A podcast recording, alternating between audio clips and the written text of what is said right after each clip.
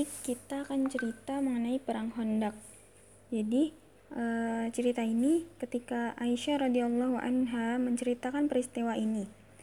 Nah, e, beliau berkata, dalam perang Hondak, aku pernah keluar dari benteng dan mengikuti jejak pasukan kaum muslimin. Tiba-tiba aku mendengar suara langkah-langkah berat di belakangku. Ternyata Sa'ad bin Mu'ad, Mu'ad dan keponakannya, Al-Harith bin Aus sedang berjalan membawa perisai. Aku langsung menyelinap dan merapatkan tubuhku dengan tanah. Tidak lama kemudian, saat lewat, ia memakai baju besi dan seluruh anggota tubuhnya keluar dari lubang-lubangnya.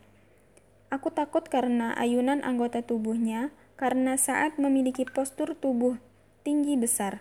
Ketika lewat, aku mendengarnya melantunkan sebuah bait puisi, yaitu puisinya berisi e, dua bait ya dua baris tunggulah sebentar saat perang akan membawa kematian yang paling indah jika ajal telah tiba itu isi e, dari bait puisinya setelah mereka berlalu, aku pun beranjak dan masuk ke dalam sebuah kebun. Ternyata di sana ada beberapa tentara Muslim. Salah satunya adalah Umar bin Khattab dan seorang tentara lain yang memakai penutup kepala. Ketika melihatku, Umar berkata, "Kenapa engkau datang kemari? Demi Allah, engkau terlalu berani. Bagaimana seandainya terjadi pertempuran atau tentara kita harus mundur?"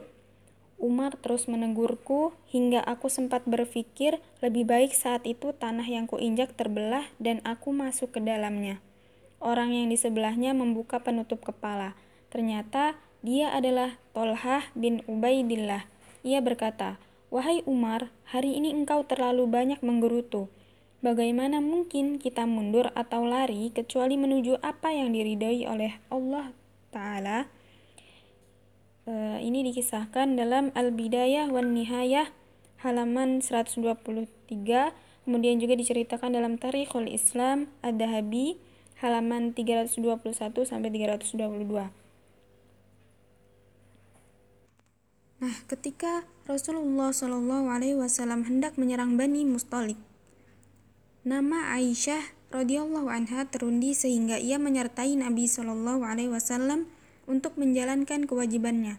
Sepulangnya dari perang ini, ibu, ibunda kita Aisyah radhiyallahu anha mendapat ujian yang sangat berat dan pedih. Akan tetapi, Allah melimpahkan perhatian dan pertolongan kepadanya sehingga ia keluar dari ujian tersebut dengan meraih ijazah kelulusan dari Allah yang penuh berkah, yakni berupa ayat-ayat Al-Quran yang dibaca sepanjang zaman di dalam rumah-rumah Allah yang di dalamnya diperdengarkan dan disebut namanya, juga di setiap tempat dan institusi pendidikan di muka, di muka bumi ini. Ini dalam kitab Nisa Mubaishirat bil Jannah halaman 179 sampai 180.